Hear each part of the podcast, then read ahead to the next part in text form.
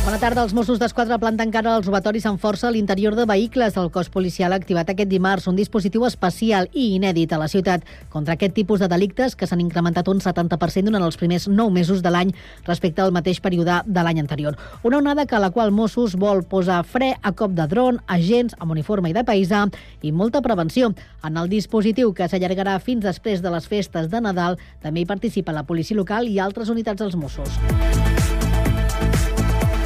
Dimecres 8 de novembre de 2023 també és notícia que els sindicats de Renfe i Adif han convocat una vaga de 5 dies per protestar contra la incertesa que genera entre els empleats l'acord pel traspàs de Rodalies pactat entre Esquerra i el PSOE per negociar la investidura de Pedro Sánchez. En un comunicat, els comitès generals de les dues empreses públiques detallen que les aturades contra la segregació de plantilla se celebraran el 24 i 30 de novembre i l'1, 4 i 5 de desembre, coincidint amb l'inici del pont de la Puríssima. La mobilització serà de 24 hores i està convocada pel conjunt de la xarxa, inclosa l'alta velocitat. A Sant Cugat dona servei l'R8. Comú Podem alerta que el cas de Nova Finca, que ha deixat de renovar el lloguer a desenes de veïns per començar a implementar el coliving, és a dir, el lloguer d'habitacions, es pot estendre com a pràctica per evitar la regulació dels preus. Tot i que la pràctica és legal, la coalició insta les administracions a regular-la i fer servir tots els instruments per limitar-la. Entre les seves propostes, desplegar inspeccions, revisar la concessió de llicències i introduir canvis urbanístics al PGM perquè requereixi de permisos similars a l'activitat com a pensió. Els Tiets actuaran a Sant Cugat el 16 de desembre en els Premis Capital de la Sardana 2023, que se celebraran el Teatre Auditori. El grup mataroní ho farà al costat de la Copla Sant Jordi, que ha fet un arranjament de la popular cançó Coti per Coti, que veurà per primera vegada la llum en aquest acte.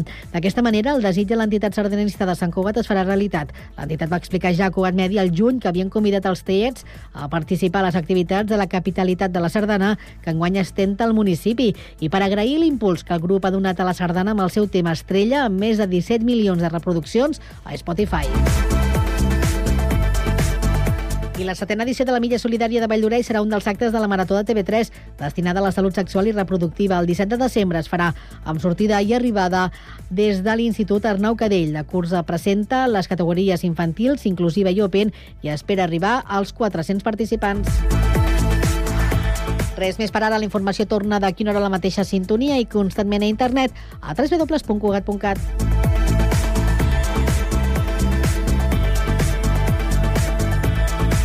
Cugat Mèdia, la informació de referència a Sant Cugat.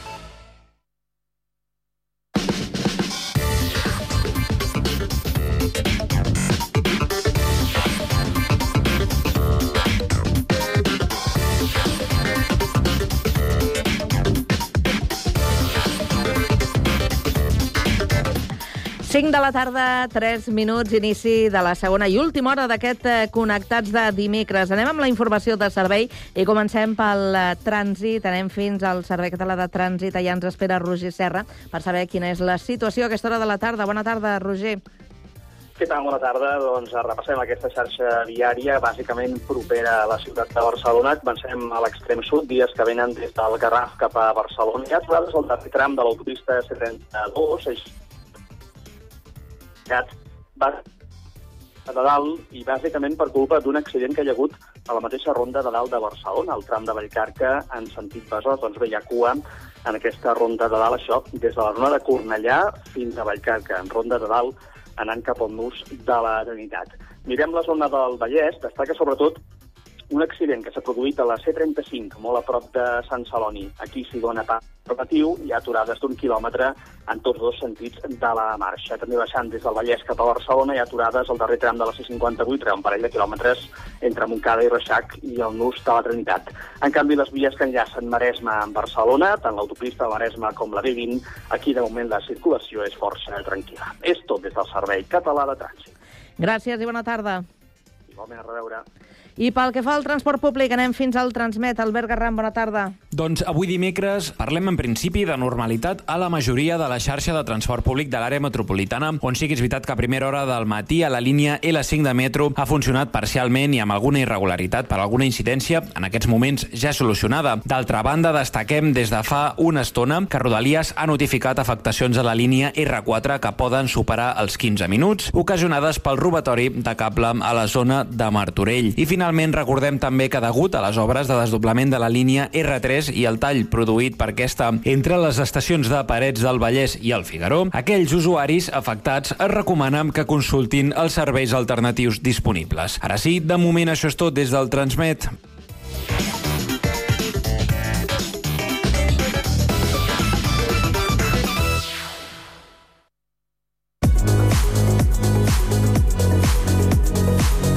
Cada tarda, de 4 a 6, Connectats. Una experiència radiofònica a Sabadell, Terrassa, Sant Cugat, Castellà, El Prat i Badalona.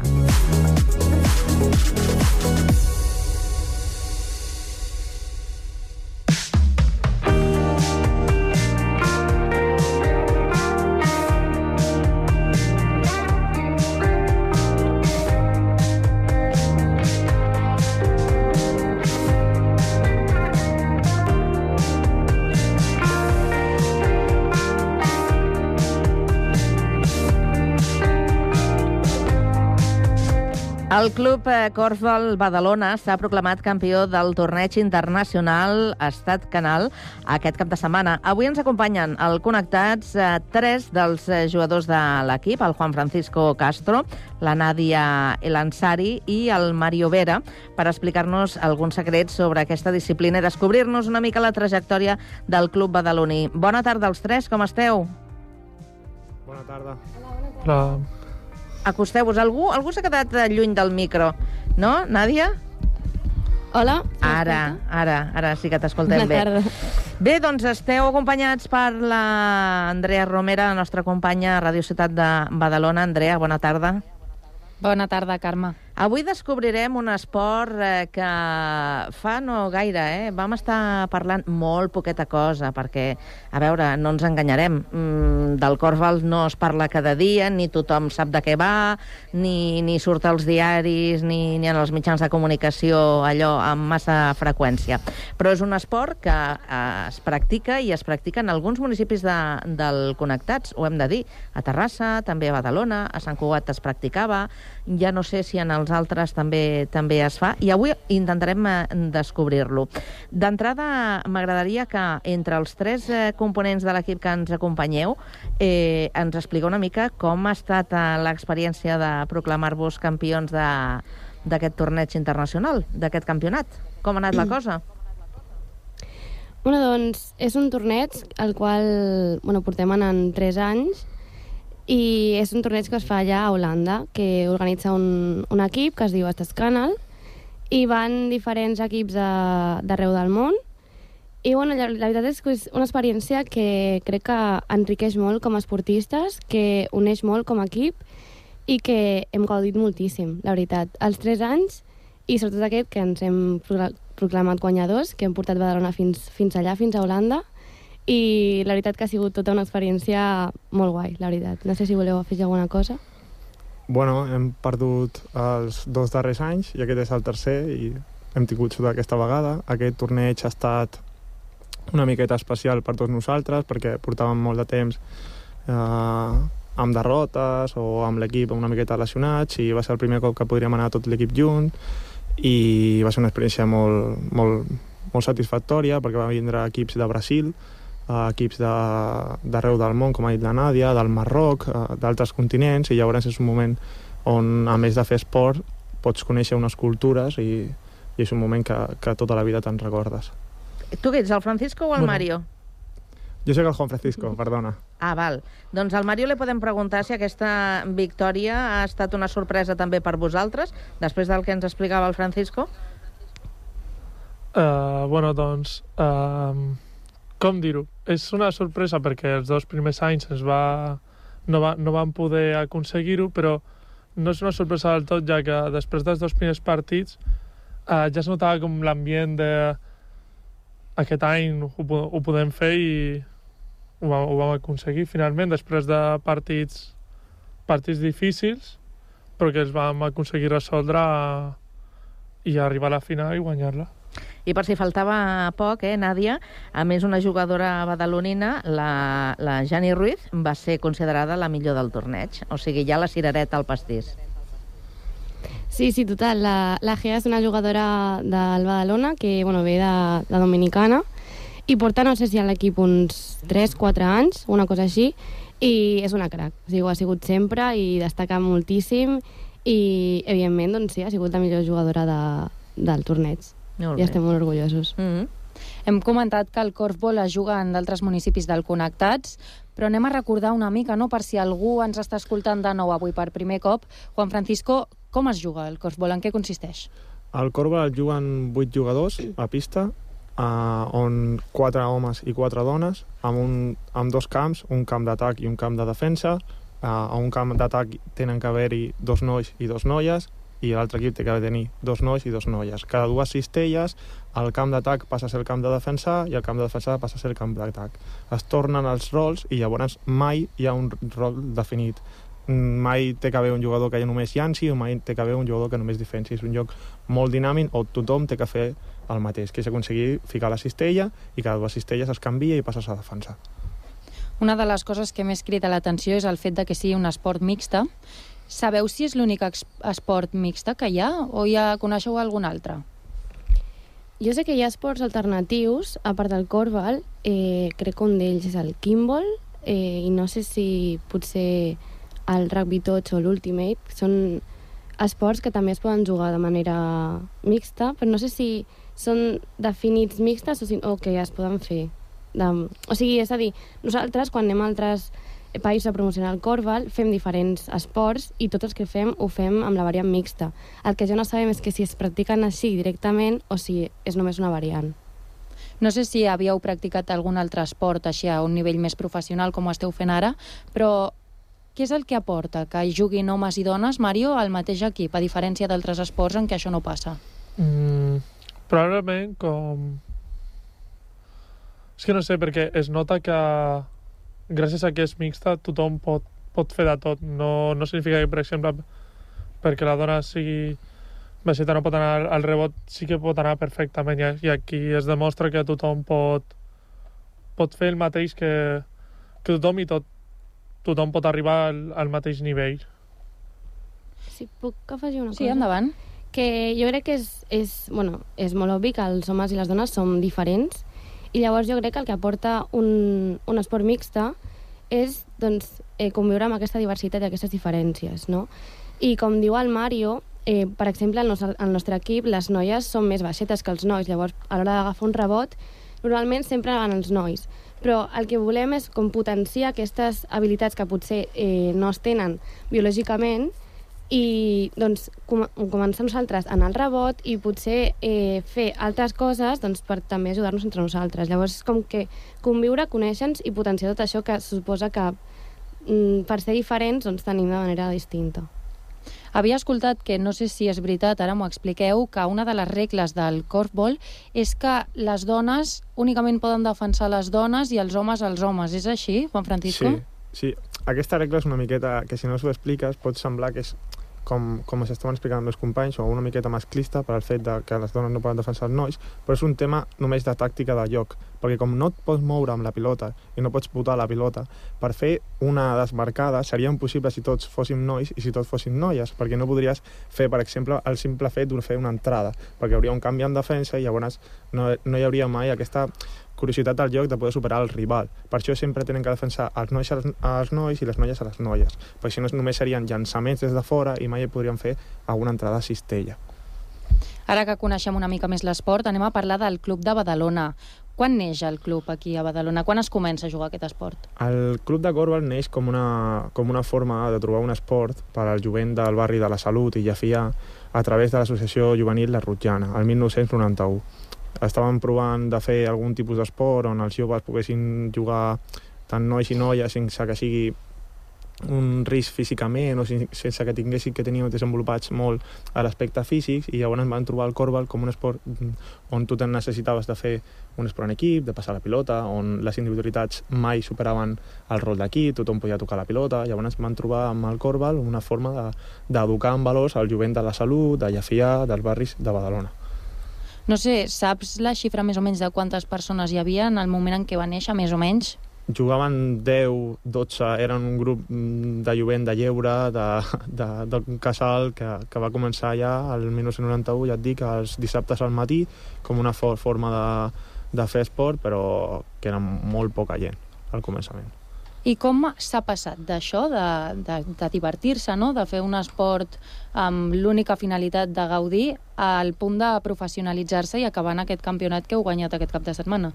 Bueno, seguim continuant jugant amb, per diversió, no hi ha ningú que sigui professional, el fet és que quan portes, a lo millor comences des de més jove, integres el corfball a la teva vida com a forma mm, o rutina, uh, tots aquí tenim una professió fora de l'esport o fora del corfball, mm, és com una altra rutina que tinguis d'anar al gimnàs, però nosaltres fem un esport.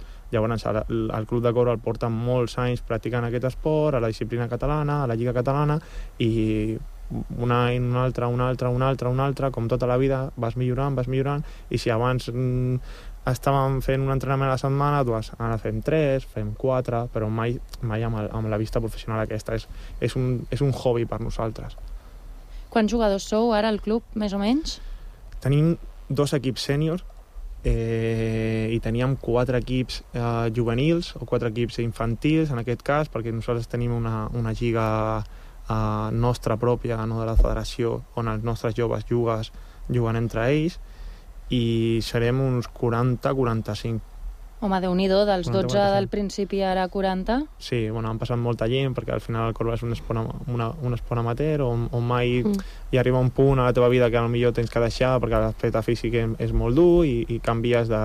Tenim molts pares, molts mares que han passat i ara els seus fills tornen a jugar amb nosaltres, però sí, estem en aquestes xifres ara mateix.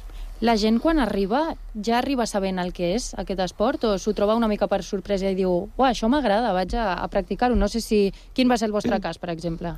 Doncs mira, jo per exemple, quan vaig començar no tenia ni idea de corfball. Jo, de fet, vaig entrar perquè coneixia la Rotllana, perquè una amiga meva eh, portava potser crec que un any jugant a corfball i llavors jo quan vaig entrar no tenia ni idea realment. I crec que molta gent que ha començat en el segon equip, que tenim ara de sènior, que m'ha mencionat el Juanfran, eh, sobretot les noies que han entrat noves són la majoria les que no, no sabien de corfball i nois, crec que alguns venien d'alguns altres equips, però també, per exemple, el Mario, que venia de l'escola de, de corfball esportiva, però la resta crec que tampoc, no. O sigui, I crec que a poc a poc eh, hem anat aprenent i, i millorant.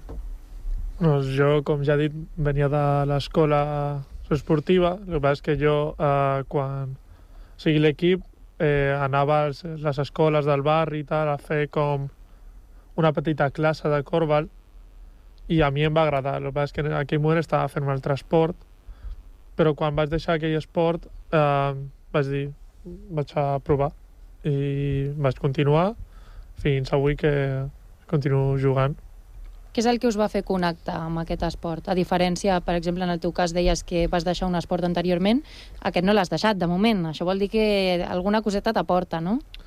Bueno, el meu cas amb l'altre esport és una mica complicat, però el que m'aporta aquest club sobretot és eh, la unió en general, ja, no, ja que no, no ho veig només com a un equip, sinó que el que estem formant en general és sobretot una família ja que tots ens relacionem tant dins com a fora del, del camp i els entrenaments.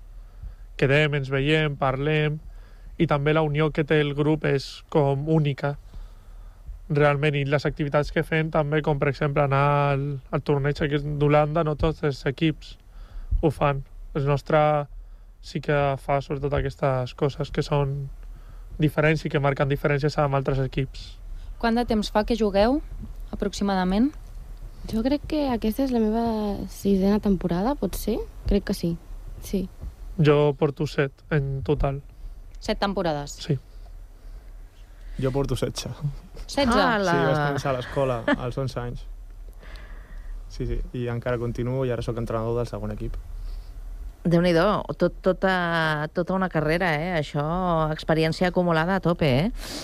Eh, per cert, eh, jo no sé si després de guanyar aquest torneig, teniu algun eh, jugador que hagi, o jugadora que hagi participat de la selecció catalana? Ara mateix a l'equip tenim dos jugadors que van estar però fa molt de temps. Uh -huh. que van participar fa 15 anys a la selecció absoluta i, bueno, i el Mario ha estat l'any passat convocat sí. per la selecció sub-19 que va jugar un torneig a... Bèlgica Mm, perquè ara sabeu que recentment eh, es va jugar el classificatori per anar al Mundial que es jugarà a Taipei, no? Es va jugar fa dues setmanes. Es va jugar i es va jugar a Turquia i la, la selecció catalana va aconseguir la classificació, si no m'equivoco. Sí. Sí, sí, sí. Va guanyar la- el classificatori i va jugar al Mundial. Mm -hmm. Sou practicants, però com a seguidors eh, també esteu al cas i al dia de, de totes aquestes competicions? Mm, jo, jo vaig veure tot el Mundial practicant tots els partits de la selecció catalana, però sí que és veritat que, per exemple, la lliga que és més professional, que és la d'Holanda, sí que no, no, la, no la segueixo jo, per exemple. Mm. Però la selecció catalana hem de dir que sí que té molta tradició. A Catalunya, malgrat que no sigui un esport eh, tan conegut que, com, com altres, eh, sí que fa molt de temps que ha tingut els seus eh, practicants de, de Corval.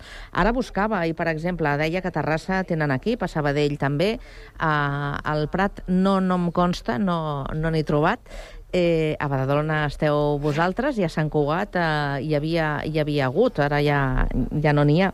Però sí que hi ha tradició i la selecció catalana és una selecció de pes, podríem dir, no?, que té un bon equip. Sí, sí, ha tingut millors moments. Al, al passat, per exemple, al passat Mundial van fer una molt bona actuació, fa més fa sis anys van, van quedar tercera d'Europa amb una molt bona selecció, perquè també, com tots els esports, hi ha cicles on agafes una, una generació de joves que arriba fins a dalt amb més, amb més potencial que d'altres, però sí que és veritat que Catalunya sempre està a, al top del món, sempre està entre les 10 primeres de, del món, lluitant per, a vegades per les medalles, per classificar-se per als World Games, que són com els Jocs Olímpics del Corbal, o sigui que té una molt bona selecció a nivell mundial. I com, com es promociona aquest esport entre la població, entre la gent jove? Vosaltres, com a club, mm, ho, ho feu d'alguna manera o no, o no ho promocioneu? Bueno, eh, durant molt de temps nosaltres el que hem fet són, sobretot, eh, eren promocions a les escoles, anàvem als instituts, i allà es feien jornades de Corval doncs, per promocionar l'esport, per aconseguir gent. Eh, també fem la Lliga de Badalona ara mateix, a instituts, que bueno, sobretot crec que són adolescents entre primer i quart de l'ESO, que es donen l'oportunitat també perquè juguin a, a Corval, a fora de, de l'institut. I bueno, també fem la Corvalada, que és, és una festa també per, per promocionar l'esport aquí a Badalona, al, al Corval. Llavors, com a club, doncs sí, fem diferents activitats i, i ara també estem intentant doncs, buscar noves maneres per, per poder continuar promocionant el Corval a Badalona. Uh -huh. Si fem un repàs al vostre calendari, quin és el vostre pròxim torneig o compromís? El diumenge vinent, 19 de novembre, juguem el primer partit a, de la Lliga Catalana a, a Llafià contra el Club Cobra del Paradís, l'equip de Terrassa. Hombre, derbi, derbi del Connectats, eh? Eh, jo crec que hauríem d'estar al cas, eh? Eh, No sé si fer una retransmissió, però potser sí que hauríem d'estar eh, pendents de, de com, com va aquest eh, enfrontament. Eh, respecte a expectatives que teniu de cara, de cara al futur, com us imagineu el club i l'entitat eh, d'aquí d'aquí uns anyets? Posem cinc anyets. Eh, com, com, com penseu que pot evolucionar? Bueno, nosaltres jo crec que tot l'equip pensa que podem arribar a guanyar la Lliga Catalana, ser el millor equip de Catalunya a nivell esportiu i a nivell personal crec que hi ha molts que, que tenim un equip una miqueta diferent, de diferents edat, tenim gent molt veterana, molt jove, o sigui, crec que l'orgull del club seria que, que molts dels joves que han passat per l'escola, que han tingut un pes menys important a l'equip, fessin un pas endavant, encara agafin el rol de líders del club, de tenim moltes noies que han vingut noves que puguin millorar a nivell esportiu, a nivell personal i, i tenir un, una altra vegada una nova generació que porti a Badalona els valors positius que té el Corval. Algun apunt més? Eh, bueno, jo crec que, que realment aquesta temporada ens veig supermotivats i motivades. Eh, L'equip de segona està millorant i creixent moltíssim, que per ser el, el Juan Frara mateix és el- l'entrenador de, de l'equip de segona. I, i jo crec que, que l'equip de primera també. Estem supermotivats, supercontents. Eh, després de guanyar el, el torneig i haver anat tot l'equip, crec que també ens ajudarà moltíssim doncs, a continuar creixent i millorant com a esportistes i, i jo crec que, que serà un bon any. No sé com acabarem, però està començant de molt, molt bona manera, la veritat. Bé, doncs esperarem notícies, eh, d'aquest derbi del Connectats. Eh, mira, potser podríem fer un equip i tot, eh? Eh, si fem càlculs, que som uns... Eh, bueno, sí, jo crec que ens donaria per fer un equip. Nois i A mi no em noies. compteu, eh, que a mi se'm dona fatal això. Perdríem No, tots els, tots els partits, no, perdríem. No, no, dona, tranquil·la. Jo crec que això és qüestió de practicar, eh? Mira la, la Nàdia, no tenia ni idea i s'hi ha posat i, i ara està jugant amb l'equip, o sigui que tot és, tot és començar. Tenim algunes altres disciplines pendents, com el pàdel, però clar, en el pàdel no hi cabem tots. En el corbal sí que, sí que ens donaria per fer un, un equipet. Doncs el Juanfran, a la Nàdia i el Mario, els agraïm moltíssim que avui hagin passat pel Connectats a explicar-nos doncs, les característiques d'aquest esport i una mica la història de la seva entitat, del seu club. Gràcies, nois i noia, que vagi molt bé. Moltes Moltes Moltes gràcies a tu. gràcies. Gràcies, Andrea, bona tarda. Bona tarda, Fins Carme. aquí, res, una estoneta, que ens explicaràs més coses des de Badalona. En una estoneta, sí. Gràcies, adéu-siau.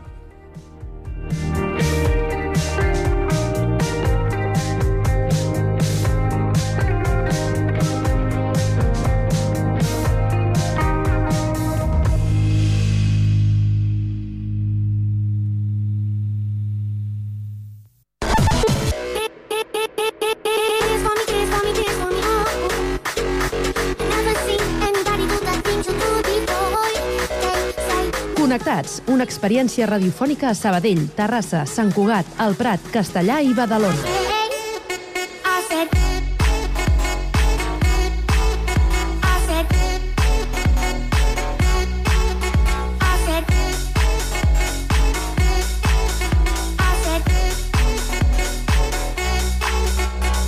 Connectats amb Carme Reverte.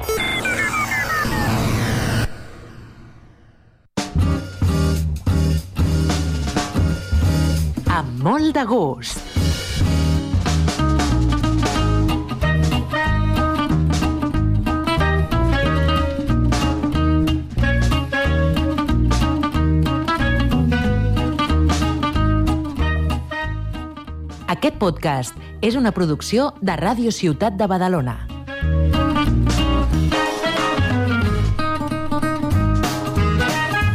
Avui a la secció de gastronomia parlem de cafè. La nostra companya Andrea Romera ha anat a fer el cafè a Amauta Coffee, a Badalona. Ens hi acompanyeu?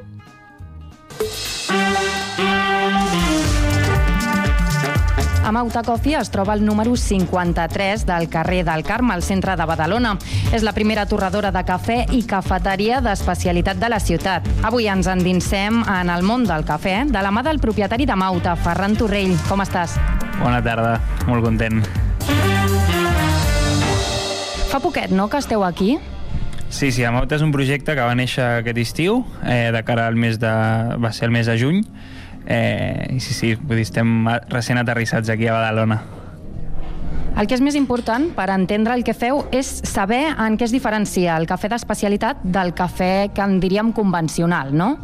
Correcte, sí, al final, quan jo parlo d'especialitat, parlo molt de sostenibilitat, no? Eh, de- I sobretot també traçabilitat, és a dir, saber aquests cafès que consumim, d'on són, qui els ha produït, quines varietats són, quins processos, és a dir, com ha arribat aquest cafè des d'origen, com s'ha produït fins al moment que el tenim a la tassa, no? qui l'ha torrat, com s'ha torrat, quina varietat és, i sobretot eh, saber què tan sostenible és per al productor del cafè que estem consumint és produir cafès especials. Per posar una mica en context el projecte Amauta, nosaltres tenim quasi 10 anys d'experiència en el món del cafè.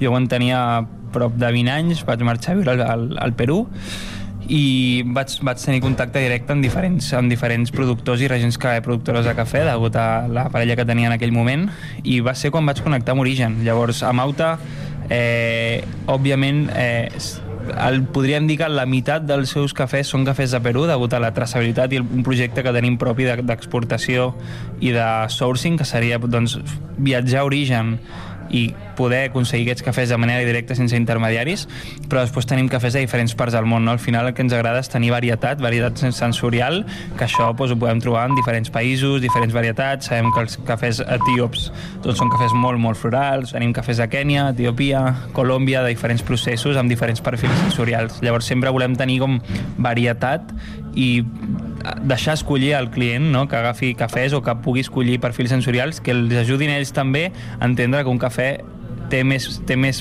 té més eh, perfils o té més sabors que cafè. Un cafè pot tenir flors, pot tenir mandarines, pot tenir pomes, pot tenir xocolates. Llavors, al final el que tenim és un menú variat de diferents parts del món, però molt centrats en Perú degut a la traçabilitat que tenim, no? que són cafès que treballem ja fa més de 8 anys en productors directes de, del Perú.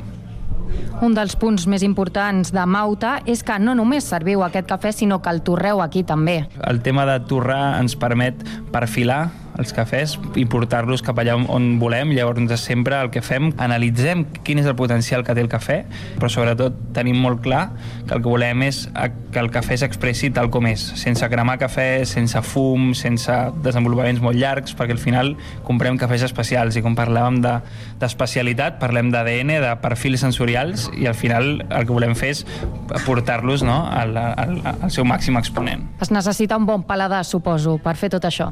Sí, al final nosaltres ens, ens anem calibrant eh, i cada dia que catem aquest cafès de diferents parts del món eh, i és molt important l'entrenament sensorial, és algo molt, molt important, és bàsic eh, com a catadors, al final doncs, eh, és com conscienciar no? i, i concentrar-te molt en el més enllà del sabor de cafè.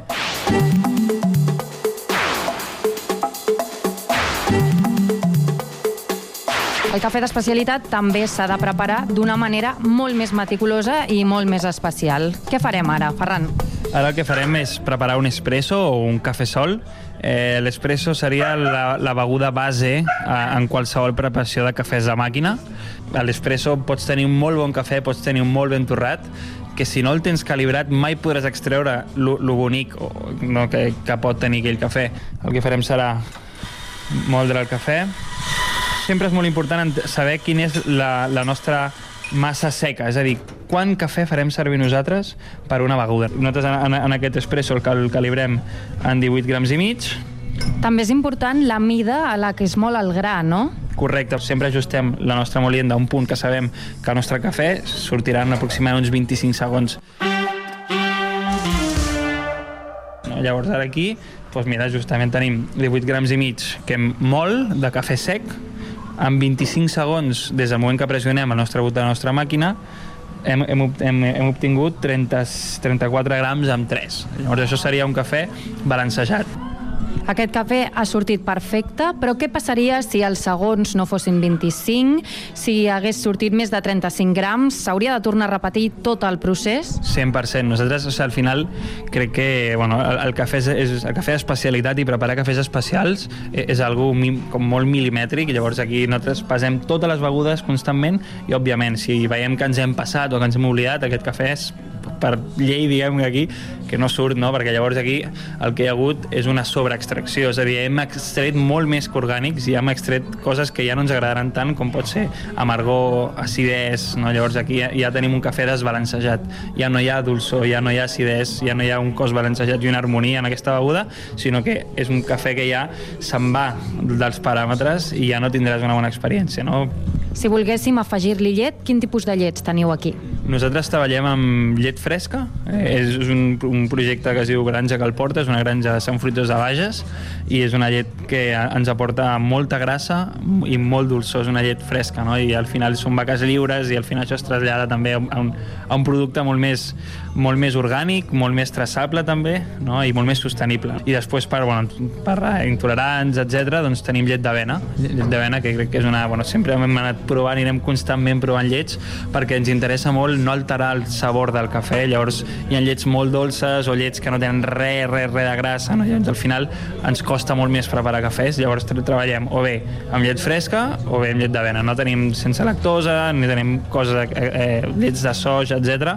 Bàsicament perquè no ens agrada com es comporten amb els nostres cafès. No?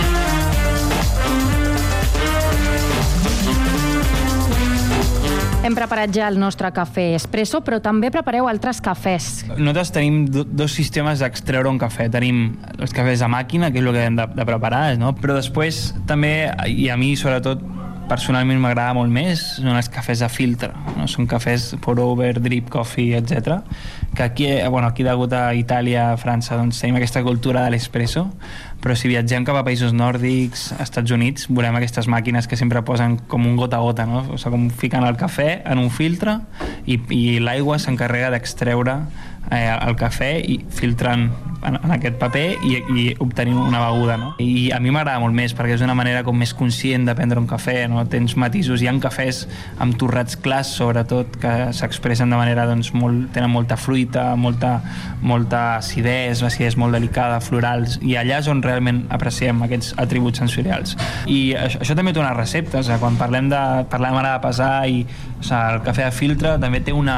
O sigui, el que tu facis mentre vas posant aquesta aigua en, en el teu cafè tindrà un resultat 100% final i després igual el tema de la molienda s'ha d'ajustar igual perquè et caigui en aquests, en aquests minuts perquè si no ens passarà el mateix o tindrem molt d'amargor o si està molt gruixuda la, la, la, la molienda tindrem un cafè molt suau no? que realment no hem pogut extreure res Aquí a Mauta, quin és el cafè que triomfa més entre els clients? a veure, aquí al, al ser un públic tan local i no estar a Barcelona, no? que potser hi ha més estranger, aquí jo crec que el que surt molt és el, el flat white, que és, és, una, és una beguda, és com un cafè amb llet, diguem, però amb un espresso doble. Llavors el que volem buscar en aquesta beguda és que sigui un cafè amb llet, òbviament, que se senti la llet, però que no quedi el cafè desapercebut. Hi ha vegades que et, et, et prens un cafè amb llet a molts llocs i té molt poc cafè i molta llet, i al final acabes prenent una llet calenta amb una mica sobre cafè. No? Llavors el flat white és una beguda que té menys quantitat de llet i un espresso doble. Llavors és un cafè amb llet, però repeteixo, tenim tota l'estona el sabor a cafè, no? I si tenim un cafè que té, no sé, ara justament tenim un natural de Perú que té molts fruits vermells, no? I és, dir, que és com amb la llet i la, amb la temperatura correcta, etc és com, és com un postre, sembla un cheesecake, no? Per aquest ADN que té sensorialment de fruits vermells al cafè, si ho, ho, ho barregem amb la llet ben texturitzada, una llet fresca amb grassa, doncs és com fotre't un postre que seria un, un cheesecake, no? És una passada. Si algú volgués aprendre una mica més i entrenar el seu paladar, aquí també feu tastos de cafè? Sí, això, això és algo molt, molt recent, és algo que començarem ara de cara al mes de, de novembre. Tastos i després, sobretot, eh, tallers de preparació, és a dir, tu pots comprar un cafè que saps que pagaràs, perquè al final estàs pagant, o sigui, el cafè especialitat és més car, i això és una realitat, però per què? Perquè és un, és, és el productor, produir cafès especials és molt més car que produir un cafè comercial, tots els processos que venen després són molt més curats, hi ha tot un tema de selecció, molta més merma, eh, i hi ha un procés molt més curat, no? llavors pagues per un cafè més car, doncs almenys que eh, a casa la gent se'l pugui preparar bé. No? Llavors, volem fer molts tallers molt, molt didàctics de com preparar-te un cafè a casa amb el que tinguis. Llavors, volem fer cates a nivell sensorial per ensenyar a la gent a catar i, a, i entendre que un cafè pot tenir doncs, no sé, fruites madures o pot tenir cacaos, no? I, i això ho fem també catant eh, i menjant productes del nostre dia a dia de manera cega, és a dir, amb, amb, amb els ulls tancats, perquè el cervell pugui associar tots aquests, tots aquests matisos i després ho traslladarem a una tassa de cafè. Volem fer aquests, aquests, aquests tallers sensorials i després molts tallers de preparació a casa. No? Doncs Ferran, moltes gràcies per ensenyar-nos els secrets de Mauta, que recordem, està al número 53 del carrer del Carme, de Badalona. I gràcies també per obrir-nos les portes a aquest món tan fascinant del cafè d'especialitat.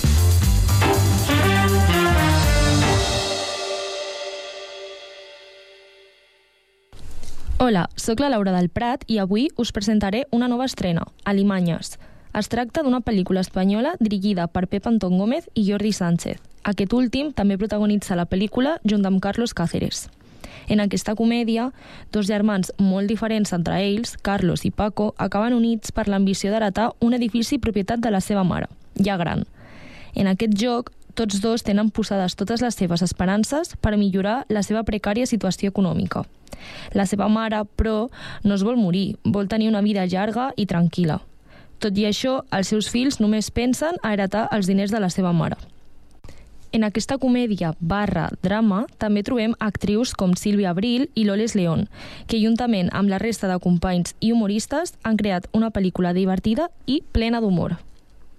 Hace unos años empecé a salir con una compañera de trabajo. ¿Sabes que cuando te cases con mi hijo me vas a tener que limpiar la caca? ¿Eso te dijo? ¿Qué pasa? ¿Qué quieres? No se mueve. ¿Qué? Mamá, Que ya está, que ya se ha muerto. ¿seguro? O sea que me han hecho venir para nada. ¿Quién coño ha dicho que estaba muerta? Cuando te he llamado hace media hora, no se movía. Estas cosas pasan. Te pasarán a ti. Cuando mi madre se murió, se murió y punto. Tenemos que vender esta finca ya. ¿Cómo vamos a venderla y mamá? Mamá tiene que morirse también ya. Ya os decía yo que estos en cuanto pudieran nos daban la patada. ¡Abran! ¡Sé que están ahí! Esta tía es tonta. Os vais a enterar. Lluvias. ¿Se puede saber qué está haciendo? Es que me he dejado las llaves. Pero bueno, por haberse matado, señora. No. Documentación, por favor. Soy de aquí, que soy española. Señora, por favor. ¿Qué hace, señora? No me jodas. Usted espérese. ¡Cago en la puta! Mira qué hace. Se está meando de la risa. Sabe que necesito el dinero y se mea. Mamá no nos ha querido nunca. Ni a mí, ni a ti, ni a nadie. ¿Y qué quieres hacer? Es eutanasia. Es eutanasia. Es hacerle un favor. Es hacerle un favor. Son unos salvajes, asesinos. Me cago en la puta. ¿Qué pasa? ¿Que entre todos queréis acabar conmigo? ¿Que un infarto?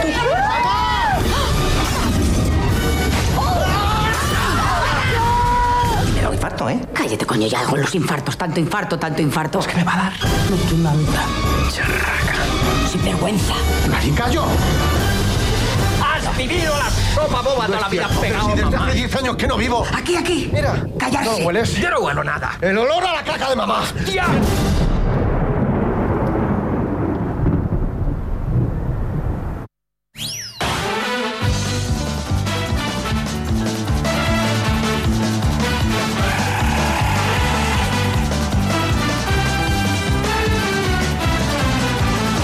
Coses d'antes.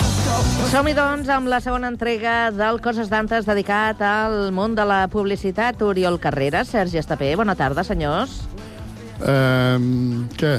Bona tarda. Fem alguna cosa? Fem alguna cosa, sí, no? cosa. Potser comencem, no? A coses d'antes? Sí, o fem bona tarda, cosa? bona Fem una tarda. altra cosa, fem una altra cosa, eh? Fem, parlem de les revistes del cor No, o... perquè llavors hauríem de començar una nova temporada. O de que ningú ha tancat la porta. O sigui, ja tornem amb les antigues males, males Els costums. clàssics, Sí, els clàssics d'aquesta secció. No tanquem Amb els tocs. Bé, Què, tal, Sergi? Com bé, estàs? vos, bé, bé. Què, al novembre, ja, vinga, ja, això ja s'acaba. Sí, eh? no, ja novembre, està, això ja- desembre, ja eh, està, com ja passa el està. temps, eh? Està, això. No te n'adones i... Eh? D'una setmana per l'altra, d'una setmana estàs al setembre, o ja, pum, novembre, Nadal. El millor d'això és que de seguida tornes a cobrar. És a dir, passa ràpid el mes i dius, Sí, coi, coi, sí. he tornat a cobrar. Tornes a cobrar i Eh, l'endemà ja tot- dius, i a veure quan torno a cobrar.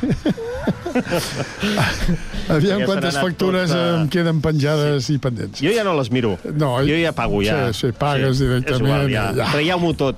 Traieu-m'ho tot. tot, tot. Que Bé. estic amb vermells, amb liles, amb el que sigui, no? En Val. tot. Escolta, si recordeu, després de plorar, uh, si recordeu la setmana passada... No hi va haver programa. No va haver-hi programa, exacte, perquè estàvem menjant panellets a Dujo. Un panellet he menjat aquest any, zero castanyes. Doncs mira, jo vaig a menys també, eh? Tot i que són panellets que em fa la sogra, que són boníssims. Sí? Sí, sí. Ah, Home, les sogres tenen... No, no, però aquesta domina, eh? Uh -huh. El vaig triar jo. en càsting. Uh, doncs això, no va haver-hi secció, però fa dues setmanes sí. sí. I vam deixar mitges una secció apassionant sobre la publicitat. No sé si te'n recordes. Sí, sí, o sigui, no Mira. sabies què fer avui i has agafat No, les, no, els rescoldos. no, però és que vam los dir... rescoldos. Vam, vam dir, jo perquè el tinc Los recent, rescoldos. vam dir que seguiríem, seguiríem. Mira, ens vam quedar aquesta publicitat. Mira, del cuerpo Ah. humano, Mira, ya verás, pósala. Vuelve la fabulosa canción Érase una vez el cuerpo humano. Ahora además con vídeos para descubrir cómo es tu cuerpo. D'aquest anunci ja en vam parlar. Sí. Recordem que són anuncis retro, Sí. que és quan no tinc tema. Sí. Ja ho dic, ja ho dic obertament, Sí, sí. no passa res. Això, I encertar llavors- cançons, eh? El d'encertar cançons també aquest és... ja vindrà, ja és vindrà. mític, tot arribarà. No pressionem, no pressionem, tot arribarà, tot arribarà. Però, Libre, tot... Ah, és de Nino Bravo, eh? bueno, bueno, tot arribarà. Aquesta ja no la puc posar, doncs? No. Per tercera vegada? Per quarta. O quarta? Bueno, doncs el que ens serveix als anuncis també és per parlar de coses d'abans. Sí, coses d'antes. Coses d'antes, eh? doncs va, anem al, al següent, on és una campanya d'incendis, contra els incendis, evidentment, mm -hmm. no, no d'incendis, seria molt fort, eh, una campanya de cremeu-ho tot, cremeu-ho tot. Oh, hi ha gent que ho fa, eh? Seria molt fort. Ah, sí? Home, eh, no sé... Entenen el missatge al revés? Jo crec que hi ha gent que crema, però bé. Això no, no tinc proves. Hi ha gent cremada, també. Sí. Hi ha gent, molt, molta gent cremada. Molta, amb tots els sentits. Sí, sí, uh, a molts llocs. Doncs uh, hi havia una campanya antigament que era Foc al bosc, treu-t'ho del cap, que sortia un amb, una, amb un cabell així arrissat, No me'n recordo. com el Maradona, per això t'ho estic recordant. Maradona? I llavors agafava un cigar que tenia a la mà i deia Foc al bosc i... No, Que al mal. revés, al revés. Se'l treia del cap i es feia Ah. una cigarreta, una borilla. Però aquest no és el que escoltarem, eh? Mira, escolta. Per evitar els incendis forestals tenim aquests mitjans. Mira, mira. I per apagar-los tenim aquests altres. A tope.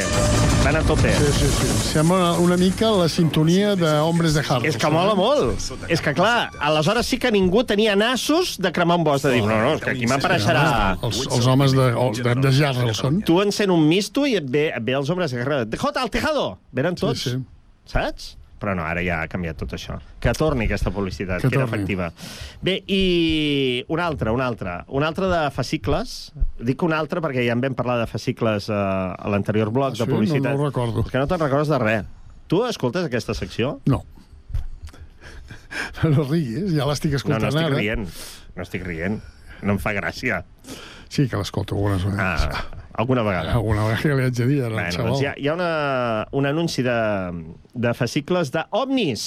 Ah. Perquè als anys eh, 90, Que surt el... a, a, qualsevol dècada, 70, 80, 90, s'han vist ovnis. Vale? Ara hi ha una baixa, ara ja no se'n veuen. Bé, però tot torna, eh? Sí, sí. Sí? Se'n veu sí. algun, a Mèxic, oh, Sí. parecido, no sé què. L'altre dia que deien... és cert que ningú- abans se'n parlava més del tema parlava d'ovnis, molt, ara la cosa ha minvat. eh. Jo una vegada vaig entrevistar aquí, a la, a la ràdio municipal, eh, a una persona que havia vist ovnis sí. i diu que, el, que quan em va veure més va ser després de sopar. Ah, molt bé. Això és verídic, eh? Sí, Després sí. de sopar i de fotre's el priorat. Bueno, estàvem per la carretera i diu, vam, veure, vam començar a veure ovnis. Escolta, tu. De veritat, de veritat. Sí, sí, bueno, sí, sí. doncs mira, fascicles d'ovnis. La telepatia, els ovnis, inexplicat. Les piràmides, les veus del més enllà, inexplicat. Coneixi ara el món d'allò que és estrany, insòlid i misteriós en els fascicles setmanals, lo Fascicles inexplicable. setmanals, eh? Lo inexplicable. Eh? I surt l'Iker Jiménez i el Que- Josep Guijarro o no? Que, bueno, molts temes d'actualitat podrien estar en aquests fascicles, també, Sí, sí, perquè hi ha sí. moltes coses inexplicables. Possiblement hi ha el Guijarro aquí a darrere. Mhm. El Guijarro... Controlava. Controlava, controlava. Que sempre hi ha dos o tres persones només que controlen, eh? Fixa-t'hi. Sí. No, no més. Si no, jo he vist... No, tu no. Qui No, ets tu? exacte. Tu eres Guijarro? Tu, no. tu saps d'ovnis? Què coi saps tu d'ovnis? ¿Tú conocías al Jiménez del Oso? No? Pues ja Ostres, està. Jiménez del Oso. O, o l'Iker Jiménez, Sí, ara, sí, no? sí, que el, l'Iker el, Jiménez. tot és Jiménez, eh? Tot és Jiménez Jiménez. Jiménez, que- González, Guijarro... Que... Bueno, Carre... en fi. Carrérez. La pregunta és, tota aquesta gent que va col·leccionar uh, aquests fascicles dels ovnis... Els té a casa? Els té a casa, què Els ha fet? llançat? Els ha posat a Wallapop? Els ha vengut? Sí, no, no se sap. No se si sap. trobeu per Wallapop algú que ven aquests fascicles, ens ho feu saber. No els comprarem, però almenys en farem un far de riure. Envieu una carta al carrer Colom 90, Això- complex de la Farinera, amb el codi postal 08222, amb l'etiqueta de OK. Amb una etiqueta de Ok. Colacau. Ok, o Colacau. Vale, uh, Alfons Arús, saps qui és Alfons Arús? Sí, N'hem parlat home. moltes vegades en aquest programa. Sí, és un home que segueix triomfant, és un, bastant, Exacte. un precursor. que està presentant ara Aroseros, doncs en un passat feia un programa de vídeos que es deia Vídeos de Primera, sí. que va tenir molt èxit, Molt, que era l'inici de les pífies, de, sobretot de vídeos casolans. No? Ah. Vídeos que venien de fora, però després va començar a animar... programa que continua, eh? Perquè ell, el Sí, seu sí, programa, sí. continua posant vídeos fakes aquests Sí, sí, sí, sí, que cauen i... Però era l'inici, no? No ho Sí, feia sí, ningú, sí. no? Això de posar imatges eh, de vídeos casolans amb caigudes, tontes i tal. bueno, doncs eh, va agafar tal èxit que, clar, marques publicitaris doncs, es van interessar pel programa, sobretot Panasonic, que patrocinava el programa i doncs, amb vídeos, aparells doncs, d'última tecnologia. Atenció a aquest aparell. Com veure dos programes al mateix temps sense tornar-se boig. Vegi un i gravi l'altre amb un vídeo Panasonic. Panasonic, un vídeo de primera. Està bé. No, diu... Torna a posar, torna a posar perquè no estàs al cas. Sí que estava al cas. Sí, ara estàs al Com cas. veure dos Com veure dos programes a la, a la mateixa sense vegada. tornar-se boig. Tenia un llapis... Vegi un i gravi l'altre Català, eh? amb un vídeo Panasonic. Resulta Panasonic, que... un vídeo de primera. Gràcies, Sí, sí, home, hi, tira, hi havia home. una revista que hi havia uns codis, no codi QR, perquè no existia, No. però sí que hi havia uns, un, una mena de codis, eh, de barres, que amb un llapis del vídeo Panasonic anaves allà, saps, feia de lector d'aquest codi i ja programava el vídeo directament. Què dius ara, No ho boig? havies vist, això? Sí, sí, sí, ara, ara que ho dius eh, recordo. Sí, sí. I llavors Sí, tu sí, estàs sí. mirant la tele i dius ai, se m'ha passat de veure aquell programa. Brum, perquè abans, per veure els programes, si volies veure dos programes, ho havies de gravar. Clar. Que això ara... Això ja... Amb això de la carta i tot això. Res. Tu fas cara encara de tenir VHS. No. A sota la tele, que hi ha algú, no diré noms, que sota la tele encara té el VHS allà, perquè li fa mandra treure'l. Val. Tu no, tu no, tu no. Pues potser sí, ja ho buscaré. Mira, uh, se segueixo o què? No, acaba. Va, clar, home. A veure, és que veig, veig desinteressat avui. No, no, estic això. desinteressat. No, sí. No, sí, que sí, no. Sí. Bueno, uh, alta tecnologia, un altre cop, uh, en aquest cas amb el cinema, ja que t'agrada el cinema, Sí, i, amb les, i amb les bandes sonores. Aviam si vas fer aquesta col·lecció, escolta. Descobreixi l'apassionant món del cinema. Les seves històries, els seus secrets i les seves inoblidables bandes sonores. Descobreixi Cine i Música. Una excepcional col·lecció Atenció. de 60 fascicles i 60 disco-casets. Disco Cine i casets. Música, amb el número 1 Marilyn 60 són molts, eh, fascicles. Disco casets. Era una pasta, eh, 60. Una pasta. Però què és un disco caset? Doncs disc i caset. No, no, no, era tot en uno. En uno? Disco caset, que això no... Jo, Jo no ho he vist mai. Bueno, doncs això, bandes sonores també, molta gent en col·leccionable. Sí, col·leccionable. col·leccionable. Ostres, que difícil ho he dit, eh? No ho sé repetir. No, no. Molta gent col·leccionava les bandes sonores de pel·lícules um, i, de fet, es veu després amb Wallapops i coses d'aquestes, bandes sonores d'aquests de CDs, no? De... Tu n'havies col·leccionat, per exemple? No, de banda sonora. Pues molt bé, pues seguim una altra cosa. Abans parlàvem de- d'hoquei o de Colacau, anunci del Colacau amb, amb Constantino Romero, que de fet Colacau encara es ven. O sigui, jo crec que si no s'anuncia, jo crec que es vendria igual. Però hi ha la polèmica, eh? Cacaulat... Ai, co- Colacau, has dit? O cacaulat? Colacau o Nesquik?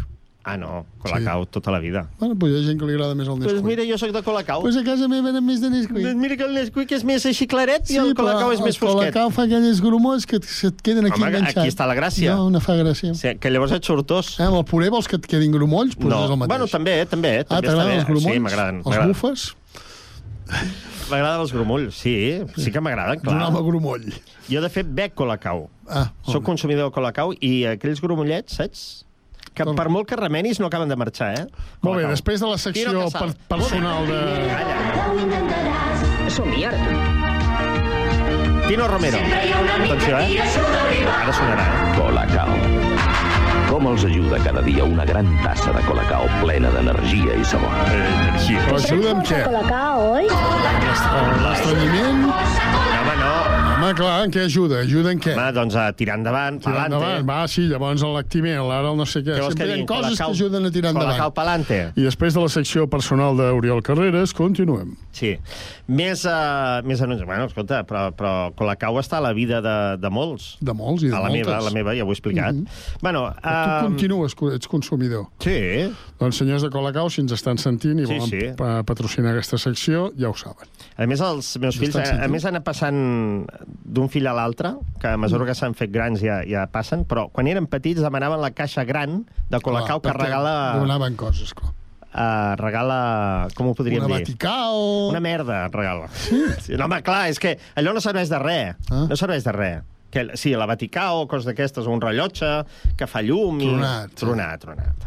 Bueno, en fi, uh, aviam, que t'he buscat un anunci d'una marca de cotxes que es diu Volkswagen, Ah, sí? Que es diu... Ja saps que sempre hi ha Volkswagen, mm, el que sigui, no? Sí, o sí. Seat, el que sigui, Mm. Toledo. Ah, o Seat i Volkswagen ara és el mateix. Sí, ara, per això, per això vull dir, eh, la Mhm. fusió. Doncs Vol Volkswagen... Espera't, eh, que em faré mal. Volkswagen Jetta. Jetta. Bueno, suposo de que devia ser? Jetta. No amb sé. dos T's o...? No, no, amb una, amb una. Hi ha persones que no es deixen influir per la publicitat. Música pareu sensual. un moment, sisplau. Pots descansar. Mira, mira. I volen saber el que compren. Aquest cotxe és un Volkswagen Jetta, qualitat alemanya, És una mica rotllo, eh, Amb un sí, és que els feia molt llargs. Per dir, Volkswagen, punto, Punt, ja jeta, està. que tens molta jeta. Quatre rodes, un volant. Va, home. Uf, I a més els feien al cine, aquests anuncis. Sí? Jetta, de Volkswagen. Pum. Que sempre que- acabava amb, el, que tancava amb maleter. T'haig de dir que no recordava aquest Volkswagen Jetta. No, és que jo crec que eh, fins i tot gent que l'havia tingut no vol recordar No que vol tenia un recordar que el Volkswagen tenia. Jetta. Que tu, per exemple, és allò, vas al col·le, tu què tens? Eh, un 127, un 7, que era lo top. Un Volkswagen Jetta. Calla, fantasma. Calla, burro. Jetta, la Jetta que La et fumaré. Jetta, home. fumaré, burro. I llavors, pallissa, Home. abans sí, abans sí. Aquest anunci de les pastilles de la rentadora que eren eh, superefectives, eh? Però després ha quedat... tota Niña, la- el detergente para la lavadora, mamá. Un paquete tan pequeño para la lavadora. Es súper cómodo. Con unas pastillas tengo para cada colada. Con un paquete para varias. paquete. Puntomatic.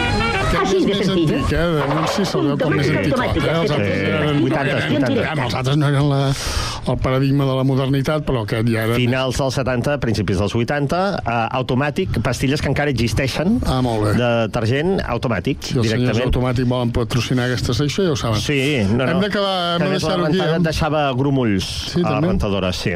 Ja està, no? Ja Si està. ho deixem, doncs, doncs fins la setmana que Haurem de seguir la setmana que ve, eh? Val, doncs, bueno. Ho sento, ho sento. No, és que clar, ho deixem tot a mitges. Jo a mitges tintes res. Ja, ja, ja et veig. O ho acabo O ho acabes... o... En fi, fins la setmana que ve.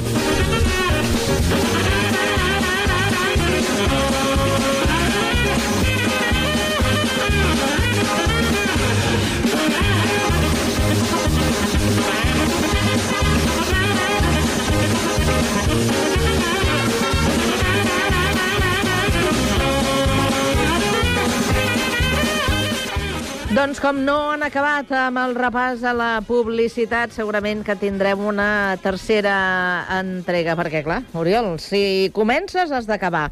I com que no s'ha acabat, doncs hauràs de fer una tercera part. Eh, va per tu també, eh, Sergi? Molt bé, doncs nosaltres eh, hem fet el complet aquesta tarda, per tant, l'edició de dimecres la deixem tancada i comencem a preparar la de demà dijous. Serà a partir de les 4 i 3 minuts. Fins aleshores, acabeu de passar molt bona tarda. Adéu-siau.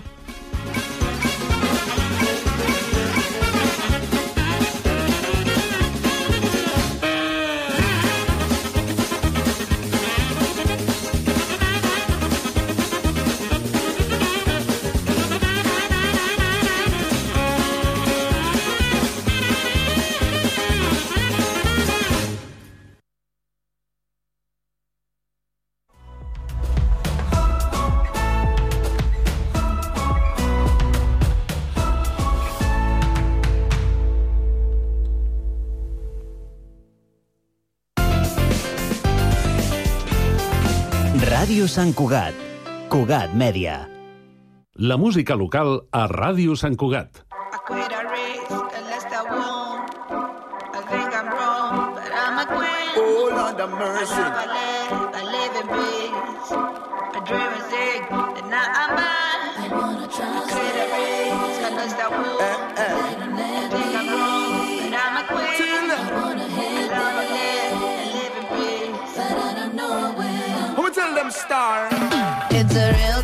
song context. Put your dream on the table and they take the rest. Sticky, silly, Murphy, slow when you play the best. You should better be humble, but that dream kind of rent. Industry controlled by two businessmen.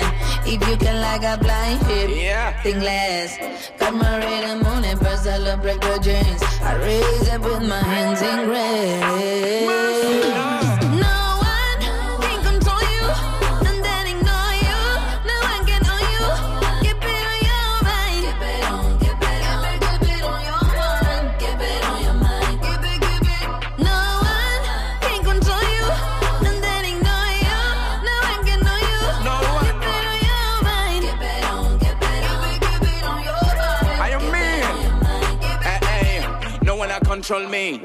Make me tell them me free.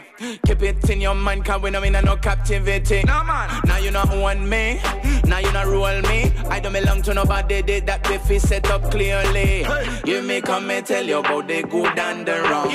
Trust me if I tell you I belong to no one. You me come and tell you about the good and the wrong. Keep it in your mind. We not belong to no one. no.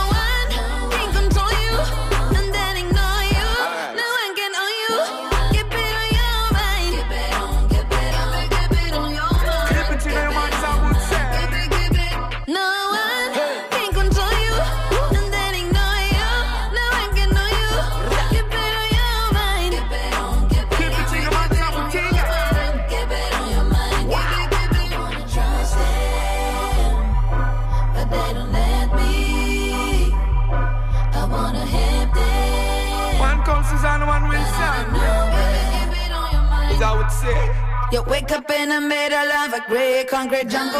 Fuckers on the good, I used to look like from this angle. Careful to no stumble, cause we strong, but we no ramble. Music like a struggle, I try to keep my say